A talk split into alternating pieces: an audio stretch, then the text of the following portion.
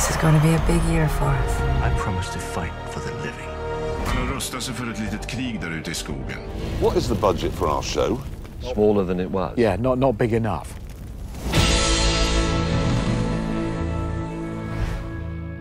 Hej igen och hjärtligt välkomna till Streamingpodden. Det här är det 30 avsnittet och det är med mig Jonas Rydholm Birmé och Magnus Svensson. Vi är båda från Ivin Technology. Hur är det med dig Magnus? Idag sitter vi inte på samma plats. Nej, idag håll- håller vi coronaavstånd ganska rejält. Mm. Jag sitter, sitter i och för sig på kontoret men vi, vi är så få här så att Och jag sitter hemma på hemmakontoret numera. Vi har ett, eh, ett, ett huvudsakligt tema på dagens eh, avsnitt och det handlar om ja, vad man kan kalla för framtidens fri-tv. Eh, Och vad det mer är kommer vi prata mer om eh, alldeles strax. Eh, Vi har en lite grann eh, kan säga breaking news. eh, Något som blev något som hände ganska nyligt eh, och det är att ett av de här DRM-systemen eller DRM-skydden är knäckta och är publikt eh, ute nu. Eh, så vi ska prata om vad man kan göra för att skydda sig mot det. Eh, vi har också Netflix kvartalsrapport som släpptes. Eh, det kommer komma en hel del rapporter här framöver men eh, Netflix var väl en av de som var först ut så vi ska väl kommentera den.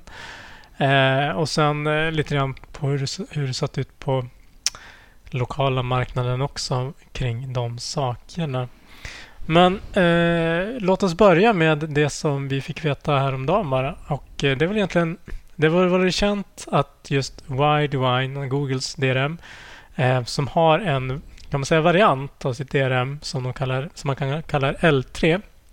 Det är väl olika grader av skydd får man säga. Eh, det som är speciellt med L3-DRM det är att den kräver inte att den här själva dekrypteringsmodulen är byggt in i hårdvara i, i princip. Utan är mjukvarubaserad och har inga säga, certifieringar runt omkring den en, eh, eh, utöver så att säga. Vilket, vilket ju såklart är ju, gör det ju öppet för att man kan reverse engineera den där eh, svarta lådan. Därför man har ändå tillgång till till eh, koderna så att säga, eller den binära koden. Eh, och att, att den har varit svagare skydd, L3, det, det är egentligen inte nytt. Många stora studier har krävt att man har behövt köra den hårdare varianten L1 eh, för alla högre eh, eh upplösningar, HD och Ultra HD och så vidare. Eh, men det som har hänt nu då, det är att någon, någon eller några, jag vet inte vilka, som har väl då lagt upp på i ett publikt forum hur man eh, helt enkelt kan installera en, en, en browser extension för att knäcka eh, nycklarna. Eh, där man gör att man kan extrahera nycklarna för, och som du då sedan kan använda för att dekryptera eh, den krypterade videofilen. Eh, det här är begränsat till eh, inte alla browsers, eh, bara vissa browsers och på vissa vissa datorplattformar. Och det är bara där det går att ske. Men eh, man ska komma ihåg att eh, det är ju ofta samma eh, om du använder samma så att säga eh, krypterade video på, på alla plattformar så behöver du bara knäcka på en för att få tillgång till nyckeln så att säga. Så eh, vad, vad finns det för alternativ för att skydda sig mot det här då, nu det här har skett? Eh, det är väl det vi ska prata om. Vad säger du spontant då Magnus om, om den här grejen? Nej, jag är inte jätteförvånad. Jag tycker för sig det är ganska tufft att lägga ut det på GitHub som de har gjort. Men det var ju, tror det var i början av förra året om det gick också ut. Då var det en, ännu mer breaking news att de hade knäckt det. Och eh, det fanns väl ingen riktigt bevis på det då. Men jag tror ingen var riktigt förvånad att det förr eller senare skulle knäckas. Nu är det väl uppenbart att det är knäckt och allting sånt. Så att Jätteförvånad är jag inte. Jag tror att många redan använder det, det eh, tryggare hårdvarukrypteringen med Widevine L1. Men det är som du säger, det som räcker med att eh, nyckeln kommer ut någonstans är det ofta samma nyckel den är krypterad med. Mm. Det man kan göra då, det är ju att man kan ha olika nycklar helt enkelt eh, för olika typer av eller för olika kvaliteter. Så att Mm. eh, det som är i SD kanske du kör L3 på och allt högre. Det måste köra L1. Vilket gör att på tittar du på, på eh, i browsern på webben då, då kanske du bara kan få SD-kvalitet. Mm. eh, och det är klart att då har du ju, då har du ju, du har ju skyddat i alla fall den biten. Eh, om du knäcker och ser själva filmen och då vet handlingen, eller då, får du ju reda på det ändå. Men, men du får en sämre upplevelse i alla fall. Eh, det, det, samtidigt så gör det här visar ju på hur svårt det är med, med DRM-skydd eh, rent generellt. Eftersom eh, det, det, det vill ju samtidigt kunna... Ja, man behöver ju ha, behöver, man behöver ett skydd som är mer än bara att det är closed source, så att säga. Mm. Eller att man har hemligheter i hela, så att säga. Eh, så att eh, det, är ju sårbart. Det är det ju. Mm. Ja, det är ju intressant också i samband med att vi, vi ser ju också att, att piracyn ökar ju under corona och under pandemin har vi sett också. I och med att jag tror att det har lika mycket att göra med att eh, det finns ett så mycket stort utbud av tjänster och, och SVOD-tjänster som att även om allting finns relativt billigt legalt så har du till slut alla bäckar små om du ska lägga ihop alla tjänster du vill ha så kanske man um, går till eh, illegala källor för de sista. Mm. Och är det då knäckt också så kanske det är ännu lättare att lägga upp saker. Det som kommer att bli en, en, eh, en hemläxa till alla just nu ska jag tro det är väl att, att se över om man inte har koll på det här. Eh, för jag kan tänka mig att studierna och de som ställer, de som vill ha, de som har rätten att ha sitt, sina rättigheter skyddade så att säga, de, de kommer nog vara ganska noggranna på att när, om något har läckt eh, mm. på Pirate Bay eller vart det nu hamnar att eh, täppa igen det hålet så fort som möjligt. Eh, så det kommer, nog, det kommer nog ske, tror jag, audits lite grann här och var. Att alla mm. följer kraven som, som de har ställt. Som är ju tänkt för att skydda sig just mot sådana saker. Ja, men rekommendationen som du säger är ju dels att, att kryptera olika på olika nivåer. Det finns, det finns ju många som krypterar ljud och, och video separat också. Så att du kanske för ljudet kan släppa igenom lite mer och sen för bild annat. Så att det finns ju lite som sätt att göra det bökigare i alla fall. Det är liksom mm. hela tiden gäller det att komma så att ju bökigare det blir ju svårare och färre blir det som knäcker det. Mm. Och det här igen kanske blir intressant då med, med det vi har pratat om tidigare med vattenmärkning. Och det är väl kanske främst för att man ska kunna spåra vart läckan har skett snarare mm. än att förhindra att det sker. Då. Mm. Nej, jag tror det är många, många diskussioner har ju varit även tidigare att, att DRM är fortfarande ganska tandlöst och framförallt ganska kostsamt. Att, liksom, de flesta piracyn sker ju fortfarande genom att du rippar screen eller spelar in skärm och sådana saker. Så att, mm jag, jag, är inte helt säker på att det blir jättestort liv om det här. Men samtidigt är det ju, visar ju sårbarheten i alla system. Mm. Bra, men vi går vidare tänker jag. Eh, Netflix släppte sin kvartalsrapport. Eh, var det igår? Eller? Det var igår kväll. Ja.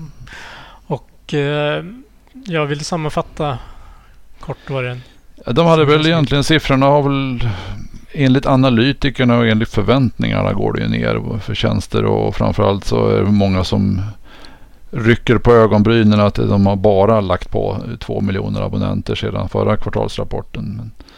Och det, det tycker väl några tidningar och medier och att göra sensationsrubriker av att nu har det planat ut. Jag tycker inte det är så jättekonstigt att de bara har två miljoner nya abonnenter under kvartalet för att jag tror att det var väldigt många som om man tittade på piken och fick i början av pandemin så tror jag det är mer att det är liksom resten av den. Att så många som tecknade som kanske skulle ha tecknat nu som tecknade någon, två, tre månader tidigare bara. Mm. Så jag, jag, tror inte att jag skulle vara en jättenervös om jag hette Reed Hastings. Att, att det inte pikar lika mycket. De har ändå lagt på var det 23, 23 procents ökning sedan motsvarande tid förra året. Så att, hur påverkades aktien av det här resultatet? Ja, den dök igår kväll. Jag har inte sett hur den, kommer, hur den beter sig idag faktiskt. Men mm, igår kväll så stack den iväg. Mm.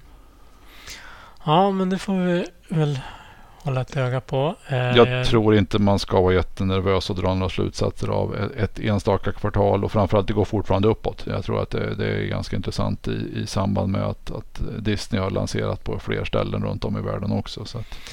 Precis, man kanske snarare ska se att det att det ändå hållit sig ganska stabilt trots det så att säga. Ja, Och det sa ju faktiskt Reed Hastings själv i förra kvartalsrapporten när han rapporterade jättehöga siffror. Han och Ted stod där tillsammans och sa att de tror ju att de fick ett litet tidigare uttag av en, en ökning av abonnenterna under förra kvartalet som kanske skulle reflekteras nu. Så jag tycker det är konstigt att, att medier och eh, börsanalytiker hade så pass höga förväntningar som de hade. Men det, det är ju en uppbubblad och uppblåst värld runt streaming wars nu. Så att. Mm. Ja, det, det är kul att prata om det. Eh, och eh, eh, vi har väl en del fler kvartalsrapporter att se fram emot här kommande dagarna. Eh, det är enorm stridström av kvartalsrapporter. Vi har Netflix är väl som du sa de som är först ut. Men vi har ju stridström. Jag tror att Verizon Brightcov kommer idag. Vi har Akamai, Microsoft, Apple nästa vecka, Facebook nästa vecka, Twitter, Comcast. Ja, alla ligger på rad här nu. Så att, Amazon här nästa vecka också. Mm.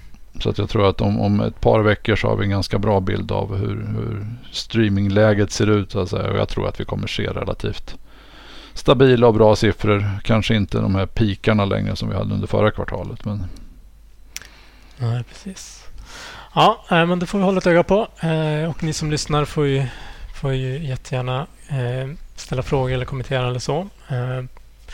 Vi finns båda på Twitter och LinkedIn och alla möjliga sociala medier. kan vi nås på. Det går också att mejla. vi kan även ta emot vanligt brev, men det tar lite längre tid. ja. Jag vet fasen om jag kan skicka något svar. Jag vet inte om jag har några frimärken ens. Eh, nej, men idag ska vi prata om eh, vi kan kalla det framtidens fri-tv. Eller eh, satellit-tv eller ja, vad, vad vi nu vill benämna det som. Men jag tycker för att, för att göra det så behöver vi ge en liten kontext eller bakgrund till det.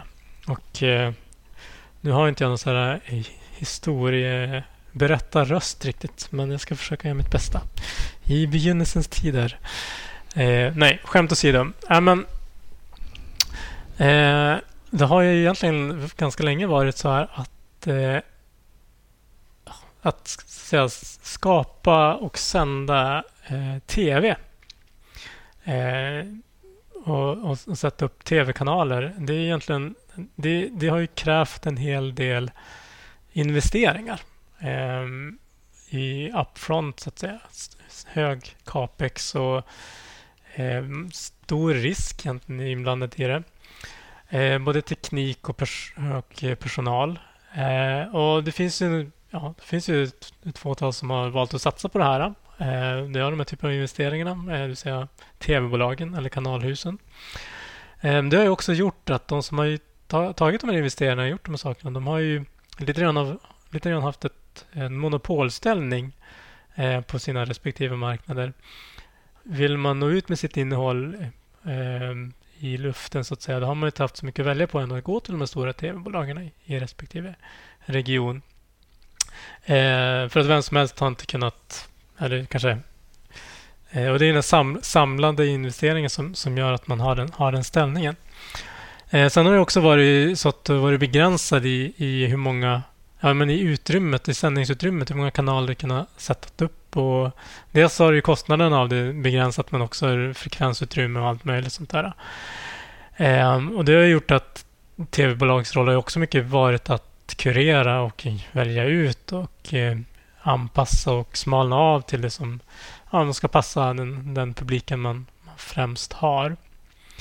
Eh, när vi idag tittar på den så att säga, mer internetbaserade tv-landskapet så, så ser vi att det ser lite annorlunda ut. Vi har fortfarande de här stora spelarna eh, som har gjort ganska stora teknikinvesteringar. Eh, till exempel Netflix, Disney+, eh, ja, Amazon, HBO. HBO med flera. Och de är ju också de eh, är ju verksamma inte bara på en regional marknad utan på, hela, på en global marknad i hela världen. Eh, de här jag nämnde nu de är ju framförallt eh, prenumerationsbaserade, SHD. Och har väl i praktiken blivit någon form av denna tiders betal-tv. Alltså det vi betalar för, för varje månad. Om man sen tittar på på gratis och reklamfinansierade sidan så är väl kanske där har vi då främst de här eh, user-generated plattformarna som Youtube och Twitch som är, är giganter som har en stor, tar en stor del av reklamkakan kan man väl säga. Ehm, de är också plattformar som har, som har jobbat väldigt mycket för att bygga den här eh, Eh, relationen mellan innehållsskaparen eller kreatören och, och tittaren. Där, där kreatören i någon form har blivit en, ett kanalhus i sig. Eh, en egen media så att säga. Sen så finns det ju också såklart eh, eh och det är kanske mest regionala alternativ men eh, reklamfinansierade playtjänster som de traditionella tv-bolagen har, har startat upp. Eh, för det mesta är det som en tilläggstjänst till, till själva eh, deras vanliga tv-kanaler. Men vad vi ser just nu händer i, i, i USA eh, som börjar ploppa upp. Eh, och det är egentligen en, en ny form av internet eh, first eller internet only baserade aggregatörer ehm, som lite grann tar en kombinerad roll av att vara tv-bolag. Man kurerar innehåll, eh, väljer ut, gör ett urval. Eh, men också eh, distributör som har så att säga slutanvändarrelationen. Vi har exempel på sådana. Det är Pluto TV, Shum, jag kan inte uttala det, Shumo, eh, Samsung TV Plus eh, eh, med flera. Eh, och det har idag fått benämningen Free Ad Supported TV Platforms eller FAST eller ett förkortning som man ser förekomma. Eh, och vad de här FAST-plattformarna egentligen gör, eh, de aggregerar sådana här eh, linjära eh, online-kanaler eller OTT-kanaler som, som man idag kan skapa till en mycket billigare kostnad eller till en, till en bråkdel av kostnaden av en vanlig traditionell linjär tv-kanal. Eh, vad man samtidigt gör med de här OTT-kanalerna är att man lägger in reklammarkörer eh, vilket gör att du kan stitcha in eh, Eh, dynamiskt just in time eh, online videoreklam. Eh, och sen så kan man dela på intäkterna från de här reklamintäkterna mellan mm, den som skapar den här kanalen eh, och och eh, den som är den här aggregatören. Och när kostnaden är så låg att skapa de här eh, och distribuera de här kanalerna så, så är risken man delar på ganska liten i de här sammanhangen. Till skillnad från den traditionella modellen där det krävde ganska stora upfront-investeringar. Har jag missat någonting Magnus eller har jag lyckats sammanfatta läget? Jag tyckte det var en väldigt bra sammanfattning. Det, och det, ju, det, har ju funnits relativt länge men det är egentligen först sista tiden det kanske har tagit fart också. Jag vet att Pluto, jag tror de lanserade ett, kan det vara 2014, 2015 någonstans. Så att, mm. Men då, jag tror att det är liksom, de var tidiga och att jag tror kanske teknologin kanske inte riktigt hade varit där den är idag vad det gäller hur enkelt man skapar linjärkanaler och hur enkelt man skapar dynamiken i det. Men eh, absolut, vi ser en, en stor boom och det har ju de stora drakarna i USA uppfattat. Så Comcast var ju snabbt in och köpte Xumo och och Viacom var inne och köpte Pluto och mm. Fox köpte Tubi. Så att som de såg det nyligen för något år sedan att det här är någonting vi måste vara med på. Och sen det blir ju någonting lite grann av en, jag menar sen, sen eh, ta till exempel Samsung TV Plus när kanalerna börjar finnas där eller att Pluto eh, kommer för, förinstallerat med vissa smart-TVs. Då har du ju helt plötsligt då blir ju det här den, den nya typen av marksända fri-tv egentligen. Det, det, det, här är de kanalerna du har förinstallerat när du startar igång din tv utan att egentligen du behöver skaffa något eh, ytterligare abonnemang. Och mm. det, det, du får, som annonsör får du eh, kanske en, en, annan räckvidd utanför de här eh, betal-tv-väggarna så att säga. Som man oftast kanske hamnar bakom. Eh, om man nu ska säga att man bara, att bara behöver registrera sig i någon form av kanske en vägg för många Eh, här, det, här, det är det som varit styrkan i de här fri-tv-kanalerna. Det är att de har haft så stor räckvidd och det är därför det varit intressant att ha en reklamfinansierad affär kring det. Så att säga. Ja, de är ju inte små heller. Jag tror att tillsammans har de nog tre stora, Pluto, Zoom och Tubi, tror jag har en, över en mil, 100 miljoner tittare eller abonnenter. Jag vet inte om man ska kalla det abonnenter. Det är, det är svårare att bedöma i och med att du som sagt var inte registrerar det och betalar. Men de, de estimerar ju att de har, ligger runt 100 miljoner tittare eller abonnenter. Man har ju, man har ju garanterat en ganska bra uppfattning på hur många ad impressions man, Mm. man levererar och allt det där. Det är ju en ganska stor skillnad från vanlig eh, tv-utsändning. Att där, där får man ju ha en panel som mäter snarare. Men här Mm. vet man ju exakt så att säga. Ja, det är ju styrkan också att du kan framförallt gå targeted på precis den målgruppen du vill med. Och sen tror jag, sen du nämnde att man delar på potten. Sen finns det ju en, ytterligare en spelare och det är ju Device Manufacturer med, med eh, Roku och de som också brukar vara med och vilja ta sin lilla del av kakan. Så att många vill vara med men samtidigt så är det en ganska låg risk att, att genomföra det för du har inte så stora upfront-kostnader. Det är det här som ändå är ganska intressant. Eller varför man målar om landskapet lite grann. Det är för man i den här traditionella modellen när du, en, en broadcaster gjorde en stor teknikinvestering eh, och, eh, och en distributör och en distributör som faktiskt når hushållen gör också det. Eh, Där har man ju haft ett, redan ett, ett symbiosförhållande på det sättet. eh, Och båda har behövt varandra. Man har ju, distributörerna har ju behövt kanalerna och kanalbolagen har behövt distributörerna. Och, och där har man ju haft en affär eh, där man, eh, med distributionsrättigheter som man, som man köper. Eh, och som vi har pratat mycket om i den här podden också. Ehm, men den, är, en- den, den har ju varit kanske på andra... eh, Det, det, det, har varit, det har ju varit upfront-kostnader. Kanske inte baserat på ehm, eh, på hur många som faktiskt har tittat utan mer på, på eh, förväntan och eh, ja, men, det måste ju få, in, få tillbaka pengarna som du investerat. I det här sammanhanget så är det ju nästan en, en pay as you grow eh, variant. Så att, eh, när fler tittar, det kostar, mer kostar det, men då blir det också mer intäkter. Och Då, då fungerar ju en, en revenue share-modell på ett helt annat sätt. Och det som är, tycker jag, det, det som är intressant i den här modellen är ju att den är då, eh, annorlunda på det sättet.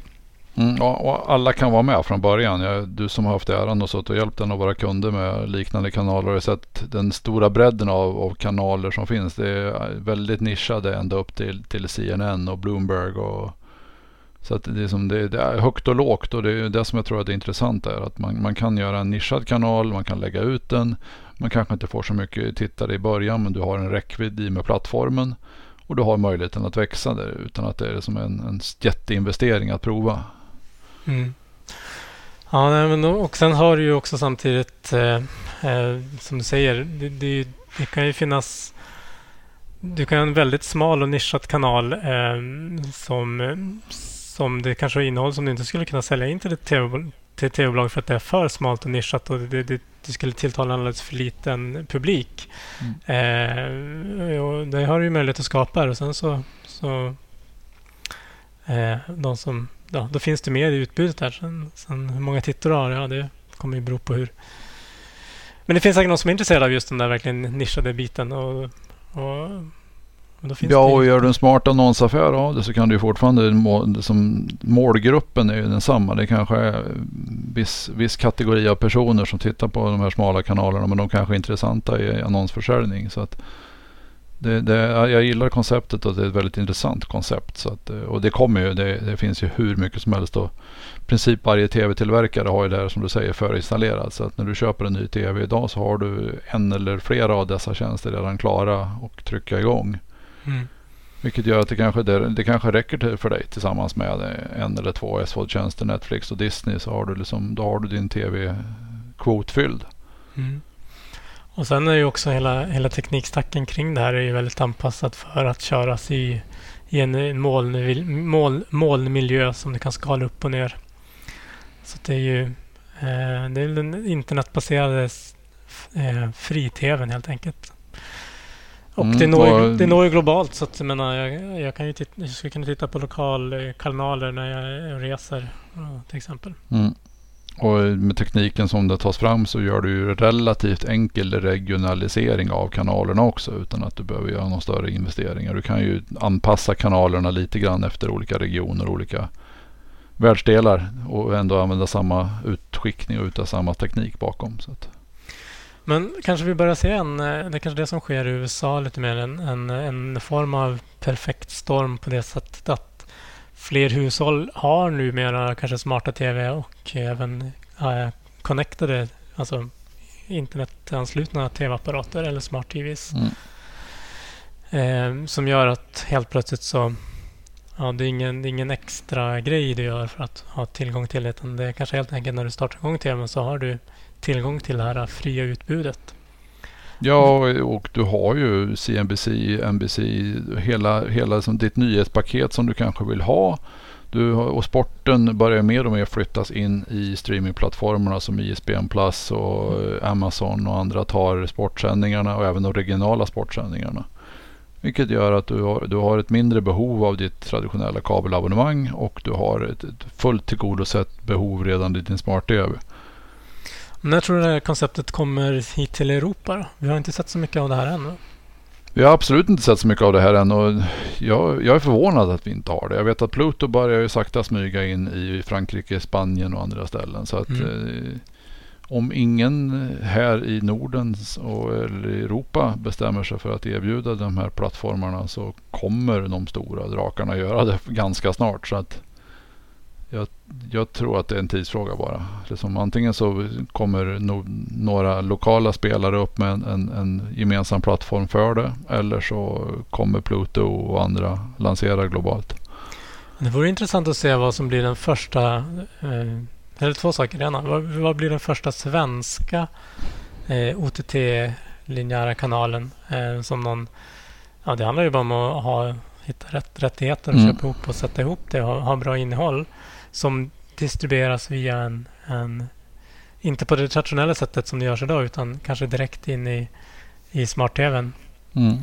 Ja, det, ja det, jag, jag väntar med spänning och det, jag tror att precis det du tar upp nu är, är vad jag tror är anledningen att vi inte ser samma hockeysticka vad det gäller cord cutting eller att man lämnar sina traditionella abonnemang här. För vi, vi har kanske inte riktigt alternativen. Alternativen i Sverige och Norden är att man har ett, ett antal olika appar eller, eller att man tar ett abonnemang via någon av distributörerna. Så att, men det här skulle kunna vara ett, ett, ett sätt som skulle kunna accelerera även cordcuttingen och, och uh, skiftet även i Sverige och Europa.